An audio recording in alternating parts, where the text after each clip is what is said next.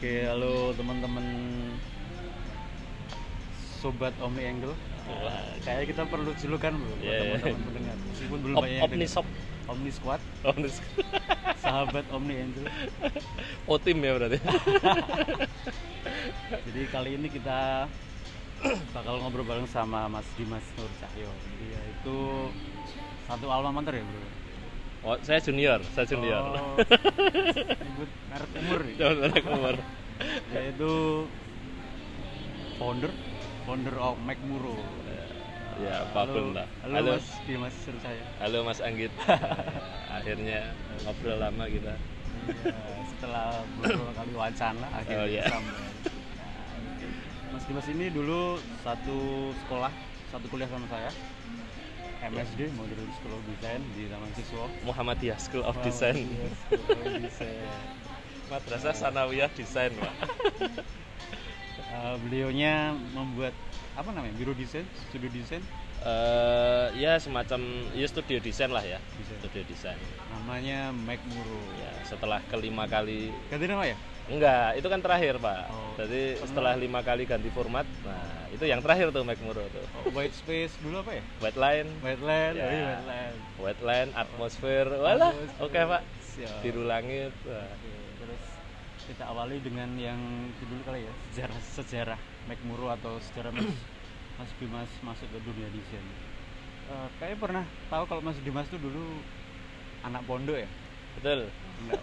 Kenapa nggak jadi dai aja? Mas? Jadi Nah, itu itu malah sekarang lagi jadi topik utama ketika Ah. saya membuka pembicaraan atau eh istilahnya gini. Mungkin karena karena udah sekian tahun di industri ini, udah mulai ngerti positioning lah gampangnya gitu ya. Maksudnya aku pengen didefinisikan sebagai apa sih gitu loh. Nah kemudian saya dapat istilah yang menarik ya tadi dari pertanyaan dan saya sering eh cerita ke orang itu orang tuh istilah apa ya mosok sih ngono loh nah ketika saya ngomong saya tuh dulu satu dari pesantren kedua saya dulu lulusan paket C Oh siap. jadi saya tidak mengalami masa SMA pak Oh bagus loh. kenapa pas kuliah nakal. Ya, terus tadi bapak saya masukin saya setelah SMP itu ke pesantren dengan harapan jadi dai nah Siap. nah terus di di pesantren tersebut itu malah saya kenal dengan Corel Draw Oke. makanya sekarang jadi dai senior Oh siap. Ngomong-ngomong soal pesantren, kayak saya bakalan punya narasumber lagi nih yang berbau oke pesantren. banyak Terus eh, s- eh, apa ya? Sempat mengenyam pesantren ada pengaruh ya Mas di dalam karir Mas Dimas soal perdesainan. Ada Ya. kalau yang sering saya sampaikan itu ada dua semacam apa ya quantum leap dalam perjalanan hidup itu ada dua. Yang pertama ketika saya di pesantren kedua ketika saya di kampus. Jadi kalau tadi konteksnya pesantren yang paling ke bawah sampai sekarang adalah eh, bukan di masalah religiositasnya tapi justru malah di kemandirian. Eh, karena bener. dipaksa mandiri satu. Kedua eh, ada insting yang terlatih yaitu semacam survival instingnya Iya, iya benar. itu sesederhana adalah bagaimana hari ini tetap bisa kebagian makan Eh, karena kalau di pesantren itu bisa sampai rebutan iya. kedua sesederhana bahwa gimana cara untuk bisa dapat izin ustadz saya kan waktu itu di Bantul mas Eh. jadi gimana saya bisa dapat izin untuk bisa pergi ke Jogja Oke. itu menyusun strategi mas Oke.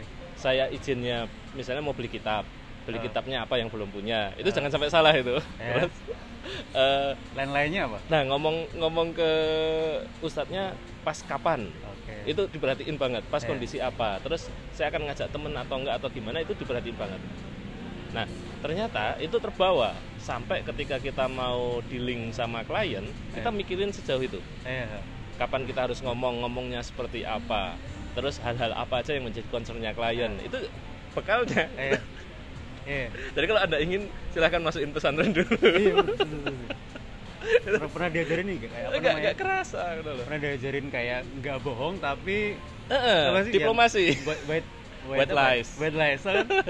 Nggak bohong tapi tapi yang nggak ngapus gitu-gitu juga. ya kalau bahasa halusnya itu adalah berstrategi Iya. ya, bahasa uripnya sih licik itu soalnya tak praktekin ketika iki pak ketika di kampus Ya. saya kan nggak bisa gambar nih Ya. nah satu nggak bisa gambar kedua dari anak pesantren dengan bentukan santri gitu Hmm. teman-teman bentuknya artsy Ya.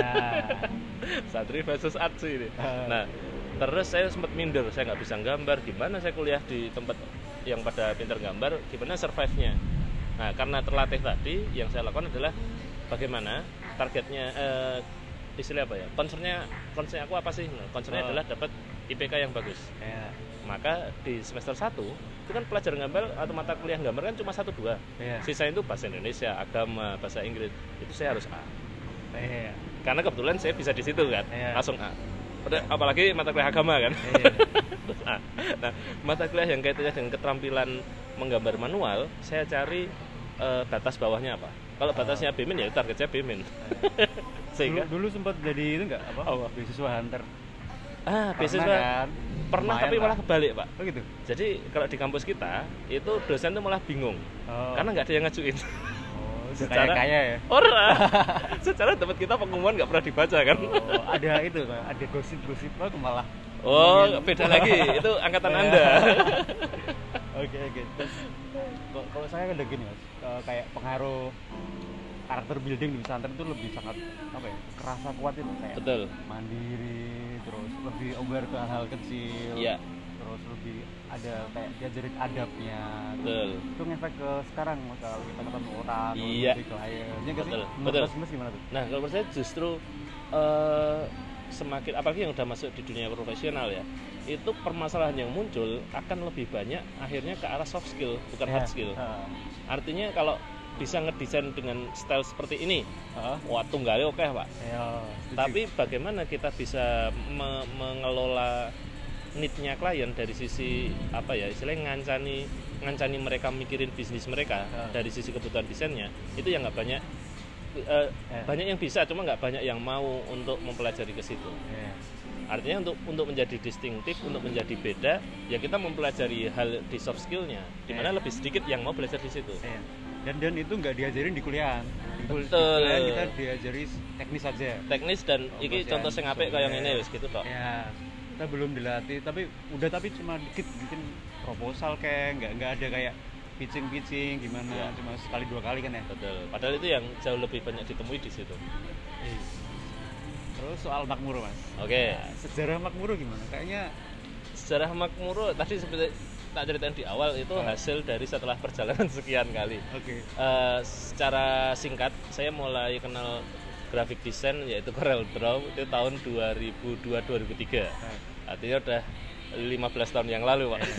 Terus setelah itu eh, saya kerja di percetakan dan merasa sudah menjadi desainer. oke Mulai ngerti DKV lebih utuh ketika masuk kuliah di tahun 2007. 2007 ya Ya, 2007. Anda kan 2006 ya? Apa 2005? Terus 2006, masuk 2006. di situ baru lebih ngerti tuh dunia DKV seperti apa dan lain-lain. Nah, mulai saya nge, nge-freelance tapi mulai mikirin nama studionya apa. Iya, dulu pertama apa? Yang terbersit Garis putih, Pak.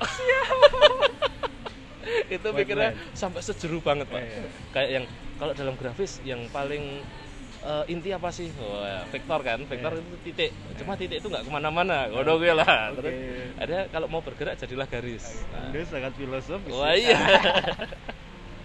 Padahal jelas gede wakil terus. Oke. Garis apa yang tidak akan mengganggu gambar Ah, di bawahnya? Garis yang warnanya putih, Pak. Awalnya itu, terus diubah jadi eh, habis itu sekitar tiga tahun berikutnya jadi wetland gue. Nah, di antara itu satu pink garis putih, kedua kita bikin namanya biru langit. Oh iya pernah dengar. Itu dulu sama Mas Basir grafik, iya. eh, Mas Ben Yuntarto, uh, and the gang, Yayak Holik, Sama Chris John. Chris John itu satu geng itu eh, hari eh besok itu buka hari ini saya keluar Oh gitu. Oke. ya another case ya Oke. terus eh, setelah biru langit belajar dari situ kita bikin namanya atmosfer Pakai art. art Wah, Siap. biar art banget ini masih kuliah nih Oke. atmosfer itu dari empat orang Eh, satu desainer sat- dua fotografer satunya semi desainer lah satu lagi ilustrator Oke. dengan format eh nam, pakai nama satu nama nanti yang ngerjain siapa yang dapat kalau yang ngerjain empat Oh. orang dibagi empat sesuai porsinya kalau yang ngerjain dua orang dibagi dua. Alhamdulillah dapat satu project. Habis itu? Selesai. Oh, oke. karena ternyata ada salah satu yang tidak berfungsi. Waktu itu dapat project dari dosen. Oh. bikin rangkaian poster. Ah kebetulan waktu itu kan poster K3 poster keselamatan tenaga kerja itu loh keselamatan keamanan apa gue nah itu kan butuh ilustrator Oke. butuh fotografer butuh desainer. Sehingga empat empatnya dapat sebenarnya. Cuma ada satu eh, ya mungkin karena umur segitu ya. Jadi ya alhamdulillah dapat satu project itu kelar. Habis itu ada namanya kita bikin lagi hidup bahagia. Hidup? I, hidup. Wah, Hidup. Oh, pakai bahagia enggak pakai. Dulu hidup, Hidup. hidup bahagia. Itu kita ngerjain udah mulai ngelebar-ngelebar gue. Ngerjain dulu campaign kreatifnya Hello Band. Oh iya. sampai gestur tangannya gimana. Ular berbisa itu ya?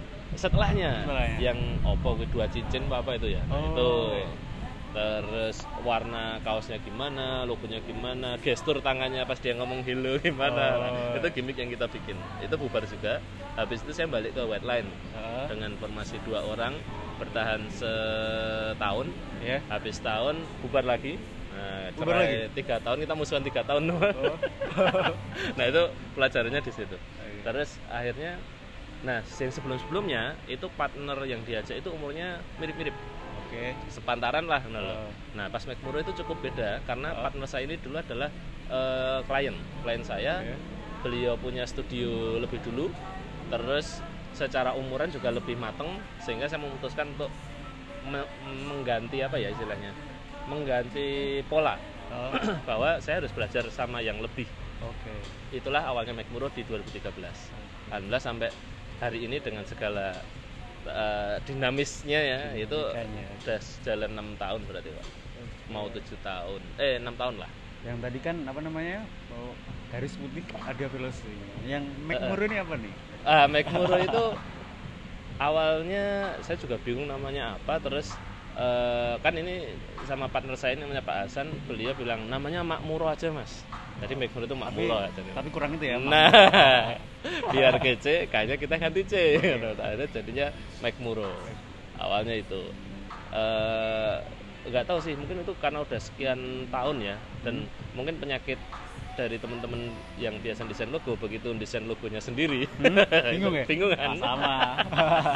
kita udah trial error berapa kali sampai akhirnya udah deh pakai logo yang ini aja gitu loh cuma yang menariknya ternyata eh, logo itu sama kayak nama nggak mungkin terjadi kebetulan eh, karena ternyata yang kita lihat logo kita yang sekarang itu eh, sangat relate dengan lingkup kerja atau lingkup klien yang kita tangani lebih ke corporate Oke.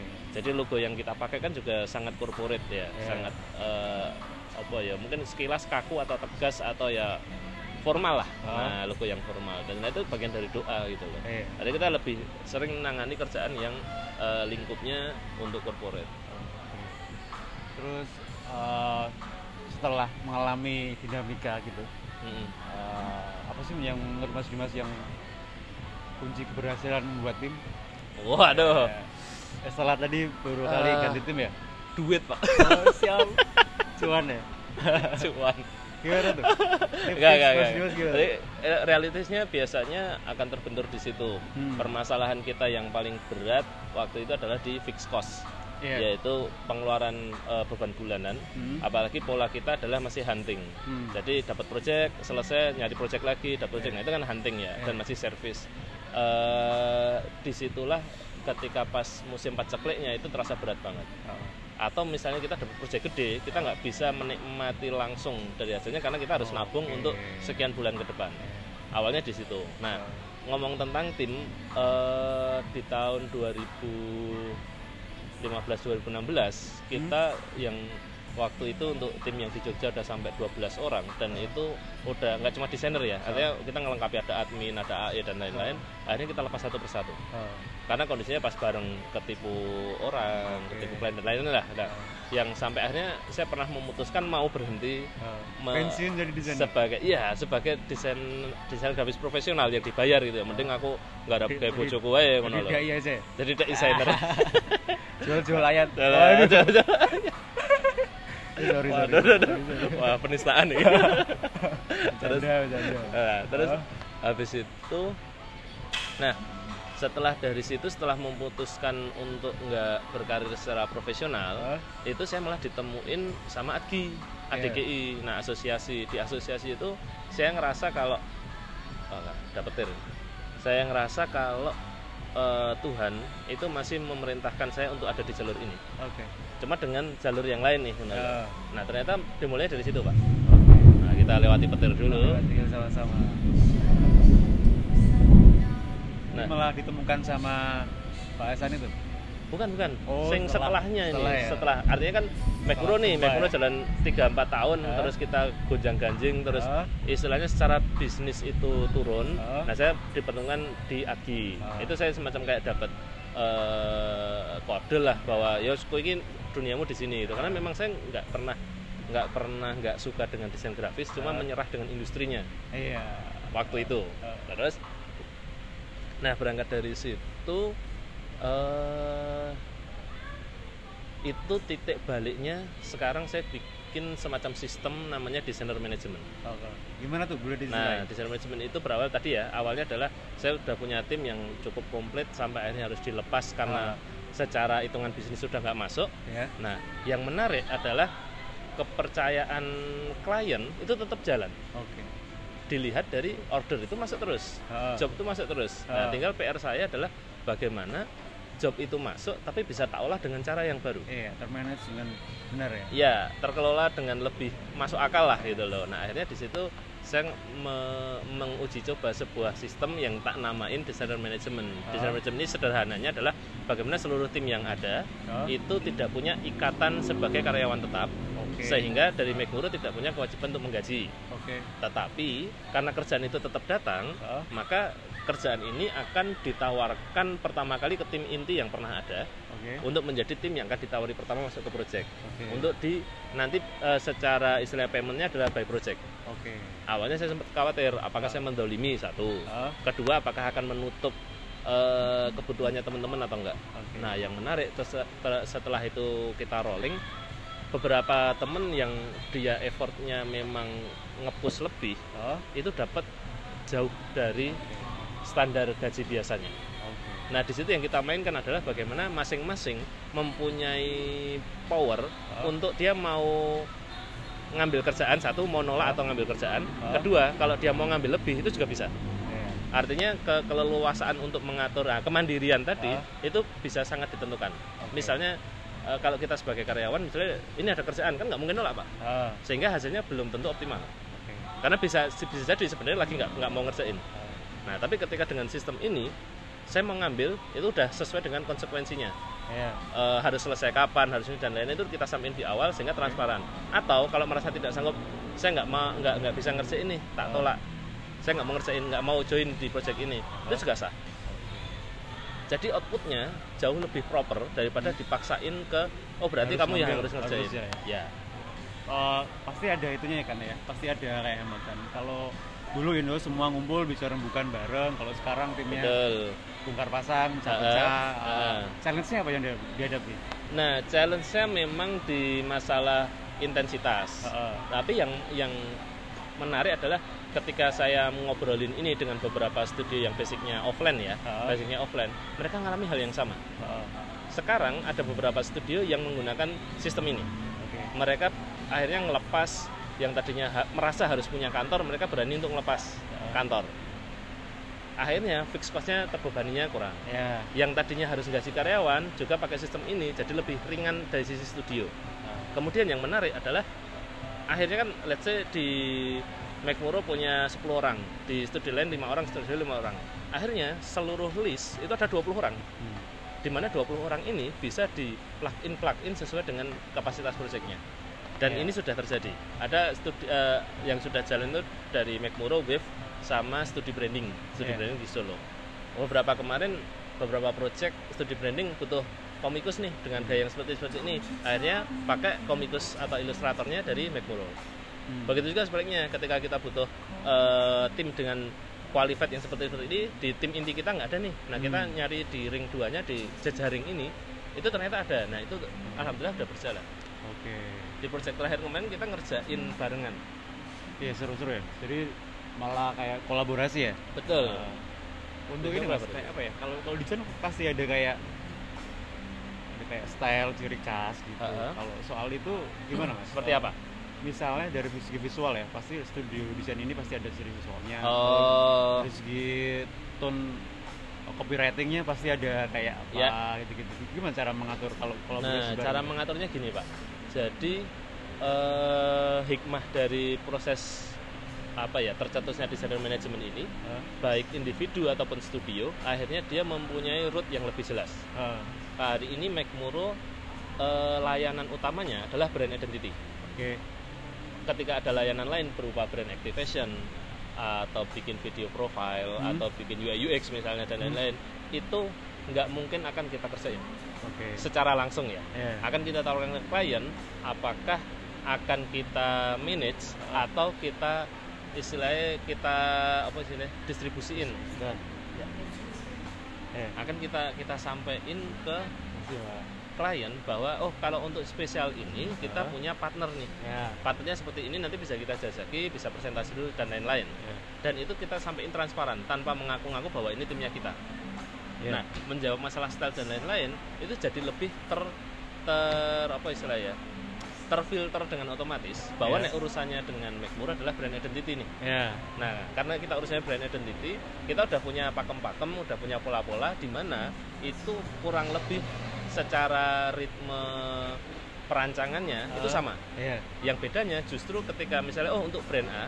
dia butuh ilustrator dengan setel seperti ini. ya Nah, itu yang akan kita carikan yang expert di bidang itu. oke Sehingga bukan bukan si klien akan men- apa ya, merasakan gaya desain, Oh, tapi adalah gaya perancangannya, metodenya Oke. sebenarnya. oke Karena pendekatan kita kan pencarian brand identity itu ada di metode perancangannya, bukan di style visualnya yang seperti apa. Justru Oke. style visualnya itu uh, akan beda dengan ilustrator ya. Kalau Hmm. ilustrator dia memang udah khas dengan stylenya seperti itu.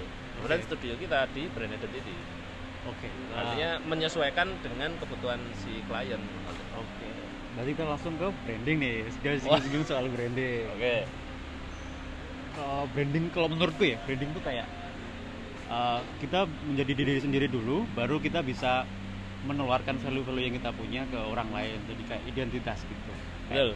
Kalau menurut Mas Dimas yang bergerak di dunia perbrandingan ini, Perbrandingan. apa sih definisi branding menurut Mas Dimas? Nah, kurang lebih seperti itu sebenarnya saya sepakat. Tapi kalau yang misalnya ditanya versi kita, eh saya biasanya men- mendefinisikannya gini, kan yang kita ajak omong biasanya adalah pebisnis, Hmm. orang eh, atau pengusaha atau bisnis yang mereka akan lebih nyaman pakai bahasa bisnis sebelum Iya. ngomong ke bahasa desain atau bahasa art misalnya.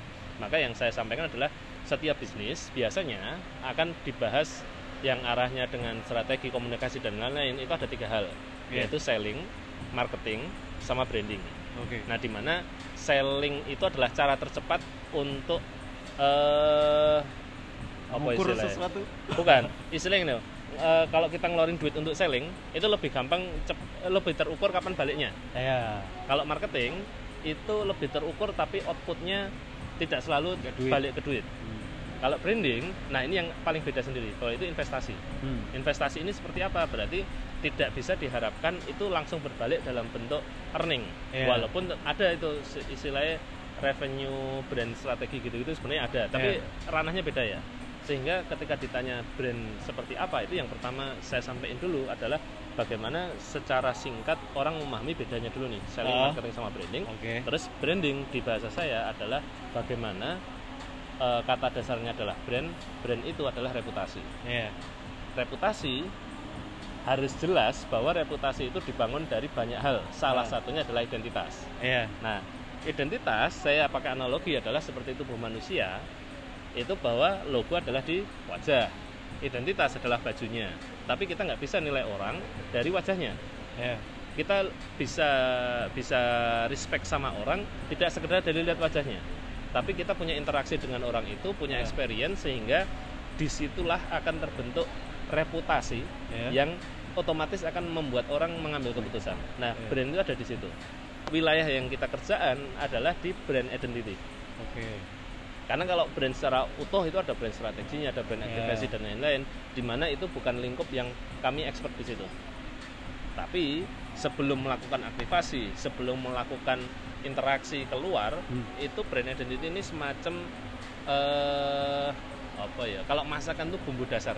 ya Bagaimana itu merumuskan siapa kita tadi, terus hal-hal apa yang kita yakini dan sudah kita praktekkan. ya Itu maksudnya kan brand value. Iya. Nah, metode yang sekarang saya gunakan adalah bagaimana setiap klien itu bisa mendapatkan brand story-nya. Ya Eh, cerita apa yang mau disampaikan melalui brand tersebut Eh. brand story dibangun dari brand value. Ya brand value ditemukan pakai metode ekstraksi brand. Nah itu. Boleh dijelaskan mas?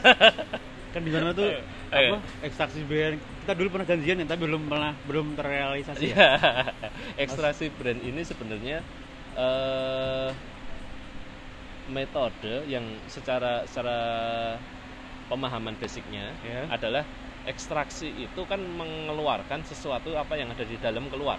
ya Artinya sesuatunya itu udah ada toh, iya bukan dibikin toh. sari inti ya Sari sari inti ya, inti sari sari inti. kalau ini sari ntar minuman lah Wah, saya belum pernah ya. Enak Ram. belum ada depesnya Udah, Departemen Kesetanan. nah, ekstraksi brand ini bagaimana kita mendampingi klien untuk menemukan brand value-nya dia itu apa. iya Dan kita percaya bahwa brand value itu sejatinya udah ada, Iya. cuma nggak pernah dirumuskan. iya Sederhananya adalah ketika kita tanya brand bapak apa, terus nilai-nilai apa yang bapak yakini. iya Kalau pertanyaannya langsung kayak gitu, itu dia kan bingung banget jawabnya. iya Apa ya mas? Iya Nah, ada metode ekstraksi brand ini adalah menemani mereka Iya. dengan beberapa metode deep interview Iya. yang akhirnya tanpa sadar mereka ngeluarin semua hal yang ada di benak mereka. Nah, di situ kami merangkum dan me-highlight hal-hal yang menurut kami menarik. iya Nah, hal yang menarik tadi kita kumpulin dan ketika dipadukan itu akan jadi gabungan value biasanya 3 sampai 5 kata yang sangat merepresentasikan brand tersebut dan merepresentasikan si founder. Oke. Nah, berangkat dari situ baru diterjemahkan menjadi bentuk visualnya. Oke, berarti buka jasa konsultasi nih? Ya semacam. Apa sebenarnya psikolog, psikiater? aku nggak ngerti soalnya kalau expertnya kan kita memang nggak di situ. Iya. Cuma metodenya sebenarnya arahnya ke situ. Hmm. Bagaimana pada akhirnya kita me- me- mendampingi dan menemani si klien Iya. itu untuk me- me- menelusuri dirinya lagi. Iya. Nah, menelusurinya itu dimulai dari pertanyaan-pertanyaan. Iya. Terus dari pertanyaan itu akan muncul pertanyaan turunannya seperti apa. Nah, memang ada eh, skill yang harus diasah dan tidak akan dipelajari di DKV, Hmm. yaitu bagaimana kita lebih empati sama orang Iya. dan bagaimana kita menangkap value-value yang kadang tersirat di situ.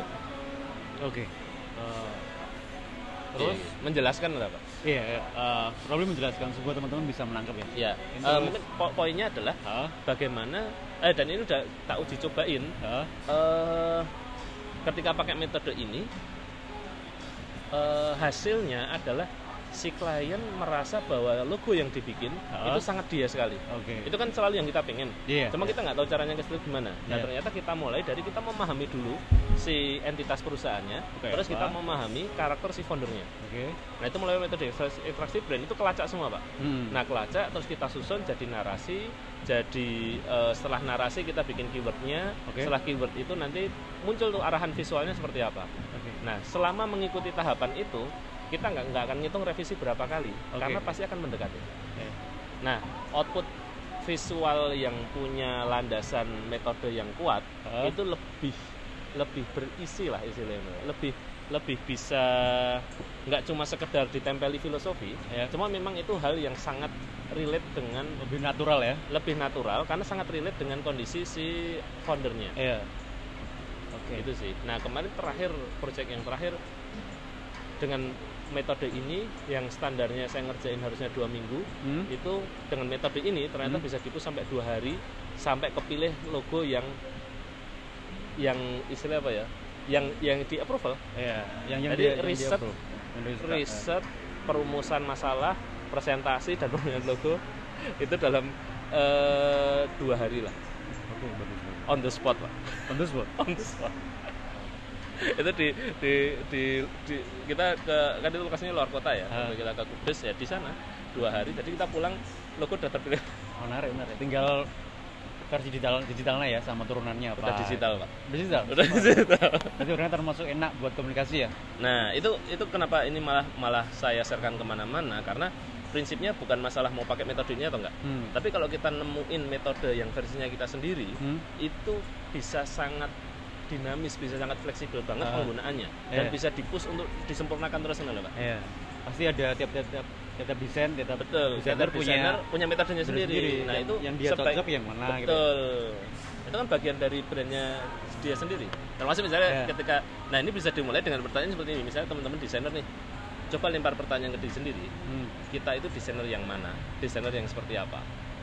oke Artinya berani nggak merumuskan diri kita sendiri desainer yang seperti apa? oke Sampai ke level yang itu bisa disebut distinktif. Iya. Distintif dalam artian udah nggak bisa lain. dibandingin sama yang lain. Iya. Oke, masuk ke step berikutnya. Perlu nggak sih mas, setiap orang tuh punya personal branding? Kalau kalau gini, kalau pemahaman yang saya dapat adalah kalau brand itu reputasi, Ha? maka branding itu bukan proses membangun reputasi, Ha. tapi apa pun yang kita lakukan, sadar ataupun tidak, itu membentuk reputasi kita, toh. Iya. Maka sadar branding itu sebenarnya bukan sadar branding, lebih ke eh, branding itu bukan dibentuk, tapi Hmm. kita kan pasti melakukan branding nih. Iya. Setiap hari kita membangun reputasi nih, Iya. maka otomatis kalau kita bangunnya asal-asalan, istilahnya ya wis waton melaku, Iya. ya maka hasilnya juga waton. Iya. Makanya ketika ditanya orang itu butuh personal branding atau enggak, otomatis setiap orang sudah melakukan personal brandingnya. Ha. Cuma bedanya ada yang sudah di- dikasih strategi, ada yang punya goals tertentu, ada yang Betul. sejalannya aja. Ya, nah masalah dikasih strategi atau enggak balik lagi. Kita Ah. tipe yang suka berstrategi atau enggak. Ha. Kalau enggak dipaksain, ambiar pak. Iya. Sederhananya adalah kita sistematis atau intuitif misalnya. Ah. Kalau kita nggak tahu kita yang mana, kita akan merasa oh kita harus sistematis nih, harus Ah. bikin jadwal, harus ini, malah stres dewe pak. Iya. Sehingga malah personal brandingnya nggak keluar. Ha. Ya tak? Iya. Nah, kenapa personal branding itu penting? Sederhananya gini, teman-teman coba cek lima orang, lima teman terdekat, lima teman terdekat. Hmm? Terus kita pasti udah tahu mana yang teman kita yang enak diajak kerja, Ha. mana yang diajak main, Ha. mana yang nggak enak diajak apa-apa. Pasti Oke, ada. Nah, itu kan kita nilainya berdasarkan apa? Dari story Instagramnya, dari post Iya. Instagramnya, gitu Ya, yang itu membentuk sebuah reputasi. image reputasi. Ya, di situlah personal branding itu jadi eh, parameter kita untuk mengambil keputusan. Iya. Nah, ngomong soal personal branding, Eh, eh, menurut Mas Dimas, eh. bedanya personal branding sama narsistik itu gimana, Mas? Ah, gini, personal branding itu bagaimana menemukan brand kita di level personal, artinya Ah. benar-benar mengenali siapa kitanya. Ah. Mengenali dalam artian paham banget aku ki isone apa, Ah. yang aku nggak bisa apa, yang jadi kekuatanku di mana. Seseder, eh, sama ini, bagian mana orang yang paling nyaman dengan aku dan aku nyaman melakukannya. Itu Oke. personal branding. Narsistik adalah bagian dari bahwa aku harus dikenal orang lain. Oke, Satu. oke. Kedua, aku adalah eh, aku yang mau kayak gini terserah Ah. orang lain mau tahu tentang aku atau enggak dan Oke. orang harus lihat aku terus nah itu Iya.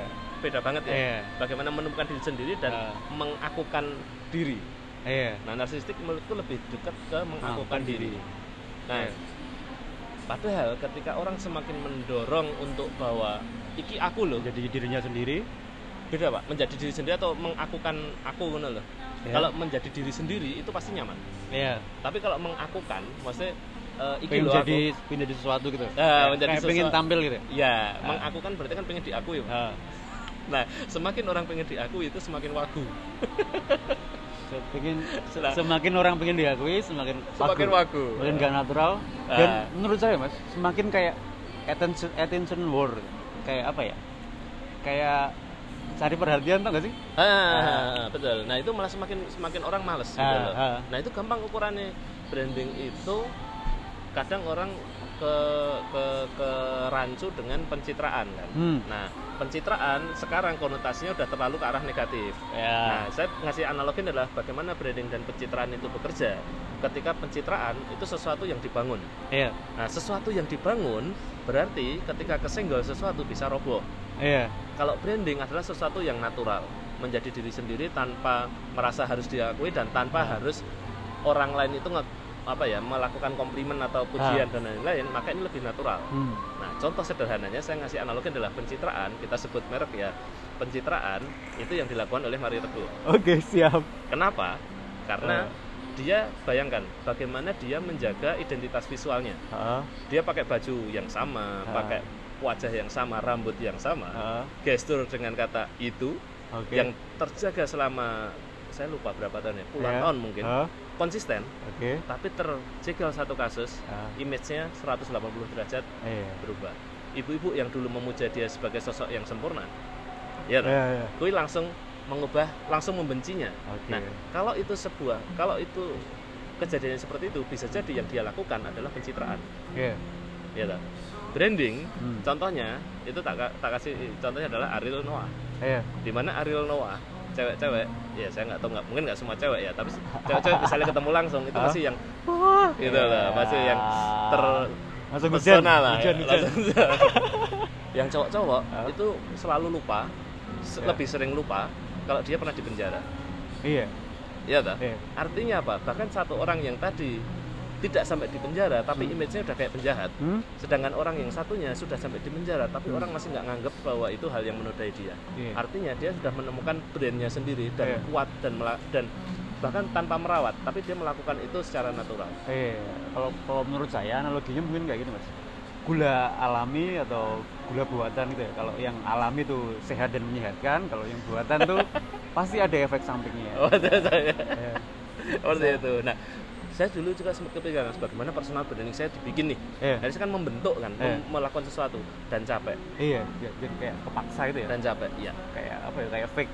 ya Ya. akhirnya ketika kita fake ketemunya orang-orang yang sama yang energinya adalah fake Iya iya. nah itu tambah melelahkan lagi nah akhirnya Iya.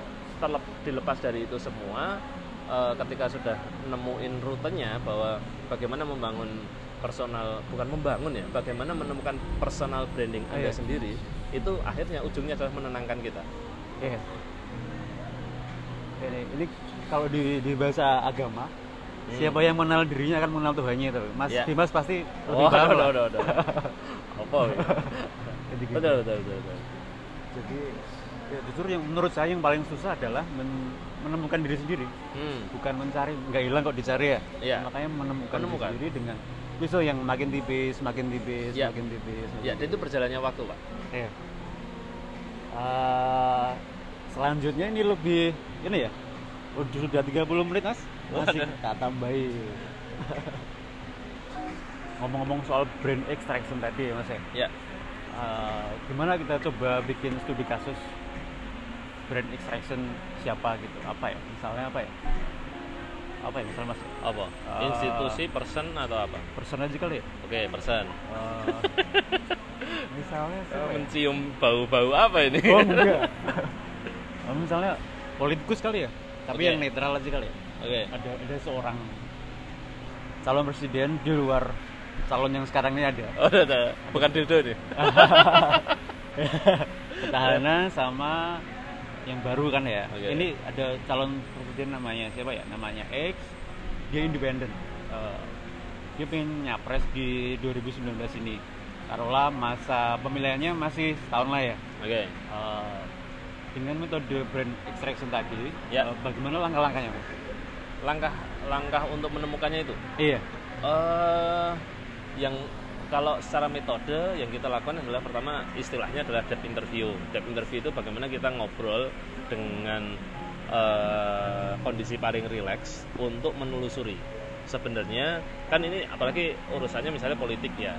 Itu urusannya pasti ke person banget. Iya. Nah, secara person ini ada political branding sebenarnya, Pak. Nah, Iya. di political branding itu sebenarnya menelusuri paling dasar dan harus paling jujur Iya. misalnya nih eh, si calon A ini adalah mungkin seorang yang keras misalnya. Yang keras eh, itu harus disampaikan di awal. Keras tegas. Karena nggak nggak semua orang mungkin bisa menerima ketegasan misalnya Iya. atau menganggap itu seperti apa. Faktornya sangat banyak. Atau dia ternyata mungkin pernah eh, ada sebuah kasus yang istilahnya Hmm. jadi abu-abu misalnya. Iya, iya, iya. itu harus digali dulu. Iya. sampai itu benar-benar ketemu. Nah nanti dari modal yang paling dasar tadi karakternya akan kebaca. Nah dari karakter yang sudah kebaca itu baru dilakukan strategi mana Hmm. yang untuk menonjolkan eh, apa ya apa bukan kekuatan ya apa yang akan disukai oleh calon pemilih nah yang agak tricky yang agak tricky Iya.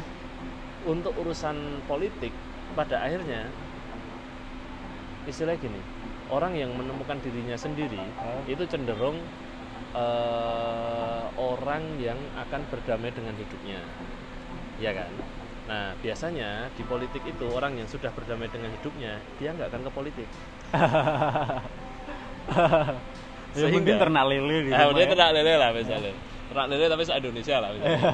karena kecenderungannya orang yang terjun ke politik itu rasa-rasanya kayak belum selesai dengan dirinya sendiri ya mu- mungkin ya kayak kayak ada kayak apa sih namanya personal call pengen berbuat banyak buat orang banyak atau berguna kan nggak harus lebih. lewat politik pak iya iya gak? Iya. artinya gini sederhananya kalau memang mau jadi istilahnya mau benar-benar yang clean Hah? itu biasanya orang-orang yang clean memilih untuk tidak ada di politik Hah? dia tetap melakukan sesuatu yang dampaknya ke masyarakat misalnya atau Ya. melakukan sesuatu tapi jalurnya tidak lewat politik Ya. nah kita indikator sesederhana itu pak ketika sudah masuk politik itu akan lebih banyak untuk terkorve ter kor apa? Korve- konvensi terkon apa sih? Terkonversi. Ah, Konversi. terkonversi untuk menjadi sesuatu yang bukan dirinya. Oke. Karena kan ditentang banyak orang. Lah kamu nggak bisa main politik caranya kayak gini. Oke. Mau dapat apa? Gitu. oke. Terus? Tuh, walaupun tetap ada ada yang bisa melakukan itu. Nah Ah. eh, kenapa bisa seperti itu? Karena environmentnya Ah. lingkungannya sudah terbentuk seperti itu. Eh. maka kalau misalnya mau diluluskan di istilah menjaga politikus yang baik misalnya Hah? itu pasti one of million lah eh ya gitu. Nah iya. kecuali contohnya misalnya kita lihat contoh yang simpel adalah Ridwan Kamil misalnya. Ah. bagaimana Ridwan Kamil itu eh, image-nya adalah bersih. Hmm. karena dia selesai dengan dirinya diri dengan dirinya dia dulu Ya. sebelum masuk ke politik. Iya. Ya dah. Dia pencapaian profesionalnya sudah tercapai. Hmm. Pencapaian finansialnya insya Allah juga sudah tercapai. Eh ya kan Eh, dasar cara berpikirnya juga udah terpupuk dari kecil dengan bagus sehingga Iya. dia ketika masuk politik bergeningnya dia lebih kuat dibandingkan Iya. dengan pihak-pihak yang yang- mengusung dia yang pure muncul dari kader politik itu ya iya dia punya diferensiasi yang Iya. lumayan tebel daripada yang lain ya artinya selesai dengan diri sendiri dulu Ah. baru masuk politik iya no. contoh yang lain saya nggak tahu Mas Anggit mungkin tahu dan sebenarnya brand itu sederhana mas. Ah, Eh, semakin itu dibuat semakin kelihatan ya. semakin nggak natural ya. itu kita dibekali sama Tuhan itu sebuah tools yang namanya hati di mana vibrasinya di situ sebenarnya sangat Iya. mudah untuk mengindikasi bahwa ini cocok dengan kita atau enggak itu Hmm. dengan hati bukan dengan otak. Oke. Karena kalau dengan otak itu influence-nya eh, apa ya implikasinya Ya. jauh lebih kompleks. Yang Iya. kita bingung untuk memutuskan. Oke. Udah berapa menit mas ya? 42 aja sekitar 10 menit lagi lah mas ya. Oke. yang sekarang yang tinggal receh-receh oke. Oke. Nggak terlalu berat ya ngomong politik political. sebenarnya ada social campaign sama digital campaign tapi nggak usah lah ya. Ya boleh. Next time. Oke, Eh, karena Omni Kreatif Ratu eh, bergerak di desain digital produk, Ya. saya mau tanya-tanya soal soal digital desain yang Mas Dimas pakai sehari-hari. Eh, lima favorit aplikasi Mas Dimas? Eh, aplikasi ya Iya. WhatsApp Instagram mobile PUBG Oke. Oh. PUBG mobile eh apa dah ya saya tuh jarang buka Facebook Heeh, Twitter juga udah enggak heeh. tadi apa pak WhatsApp Instagram PUBG? PUBG mobile webtoon Webtoon. Oh. eh satu lagi BCA mobile pak Oh, siap. siap. Nah, BCA mobile ah ngomong ke BCA mobile kemarin Hah? saya cukup impress dengan dia ngeluarin BCA keyboard Apa tuh? Nah, Belum- BCA keyboard itu bagaimana dia kan di banyak aplikasi kita pasti ngetek kan Hah? Nah, di pilihan keyboardnya kita bisa pilih BCA keyboard. Hmm? Di BCA keyboard itu kita bisa masukin pin, kita bisa transaksi di situ tanpa harus masuk aplikasinya. Oh. Itu mungkin Menarik bukan sesuatu yang baru, tapi buat kita yang sering transaksi lewat Ya, situ, nggak ribet ya? itu antara brilian sama wah gila ini kita disedot lebih cepat lagi. Iya. Bisa aja ya? tapi yang menarik adalah kejelian BCA mobile untuk me- bikin istilah apa ya improvisasinya Iya. ini selalu one step Iya. daripada Yang lain ya? yang lainnya Iya, yang lainnya beberapa malah masih ribet kayak mobile apps aja. Ya misalnya kita sebut misalnya saya pakai BNI ini misalnya Ya. BNI itu terlalu ribet bagaimana dia kode masuknya beda nanti kode masuk lagi beda Ya. terus nanti masih harus verifikasi dengan kode yang beda lagi beberapa step ya. ya Terus 5 apps yang terakhir dibuka di handphone? yang terakhir Iya. terakhir ini maksudnya favorit atau bukan ya Yang kan ada itu kan misteri. lihat ya wah berarti Instagram WhatsApp Spotify PUBG Mobile Wah. Oh siap. sama Gmail Oke. Gmail itu menarik tapi mungkin nggak favorit ya karena biasanya Iya. Gmail kan kerjaan ya Iya pak. Malah ada ada teman-teman yang nggak pasang email, email apps di handphone loh. Ah, karena lelah dengan notifikasi Iya. Jadi biar kalau kerja ya buka laptop. ya Sama kalau, kalau saya di rumah udah nggak pernah buka laptop pak. Pakai Iya. tablet atau pakai handphone. oke Jadi oke. fokus nge-game-nya, fokus lihat YouTube-nya. betul betul semangat semangat semangat Oke. terus terus apa lagi nih pertanyaan menarik ya untung saya tidak terjebak ini ya Kenapa? oh enggak enggak, enggak. Enggak. Eh, kalau menurut Mas Dimas, eh, aplikasi atau website yang oke, yang menarik itu yang seperti apa sih? Eh, website itu aplikasi gitu Ya, digital produk lah. Digital produk. Oh, aplikasi aja platform deh. lah ya. Ya, aplikasi aja deh biar gampang. Oke, Lebih aplika- spesifik. ya mungkin aplikasi ya karena lebih lebih sering kan sekarang kalau Iya. lebih urusan aplikasi. Yang ini sampel produknya atau yang definisinya nih? Definisi baru sampel produknya kayak A. Oh, kayak- kalau yang pertama sih user friendly. Oke. User friendly eh, artinya sangat mudah dioperasikan, terus eh, bahkan hampir natural, hampir natural. Itu kan juga sebenarnya prinsipnya sama ya, hampir di semua media itu kalau yang semakin natural. Nah, ngomong tentang ini dan ngomong dengan brand itu ada Ah. ada relevansinya adalah Ah. bagaimana ujungnya desain itu dalam konteks desain ujungnya Hmm. adalah urusan humanisme Iya. bawaannya hubungan antar manusianya Iya. menurut yang menentukan jadi semakin apps itu semakin humanis itu Hmm. pasti semakin mudah diterima wong Iya. kitanya human gitu loh Iya. gitu pertama user friendly kedua pastinya eh, yang support antara produktivitas atau fun Oke. jadi memang mensupportnya real gitu loh Ah. Misalnya, eh, tadi misalnya dengan transaksi di BCA itu sangat mempercepat Ah. eh, proses tuh enak PUBG Mobile menurut saya juga cukup membahagiakan lah gitu. karena Ada ada komplain belum dari pihak-pihak tertentu? Wah, alhamdulillah istri saya ikut main. Oh siap. Tadi rumusnya biar itu dikomplain istrinya ikut main. Oke. Cuma mulai ada kendala, Pak. Oke. Bahwa dengan update yang terus menerus HP-nya Lemot harus ya, jadi Mempengaruhi performa ya pak ya? jadi requestnya istri itu tinggal ganti HP yang bisa lebih lancar main Oke. PUBG. Oke oke. gitu sih, Pak. Nah, untuk apps mungkin kurang lebih gitu. Yang penting enak digunain sih. Oke. Oke, sekian sahabat Omni Angle. Oke. Terima kasih Mas Dimas atas waktunya, Sama-sama. atas ilmunya. Semoga kita bisa mengambil manfaat dari Ya, semoga tidak percaya sehingga dengan ketidakpercayaan kan akan nyari jawabannya sendiri. Iya. Nah, nanti jadi percaya kalau aslinya piye lah. Iya. Karena yang wajib kita percayai hanya Eh, Oke, terima kasih. Sampai jumpa di episode selanjutnya. sampai jumpa.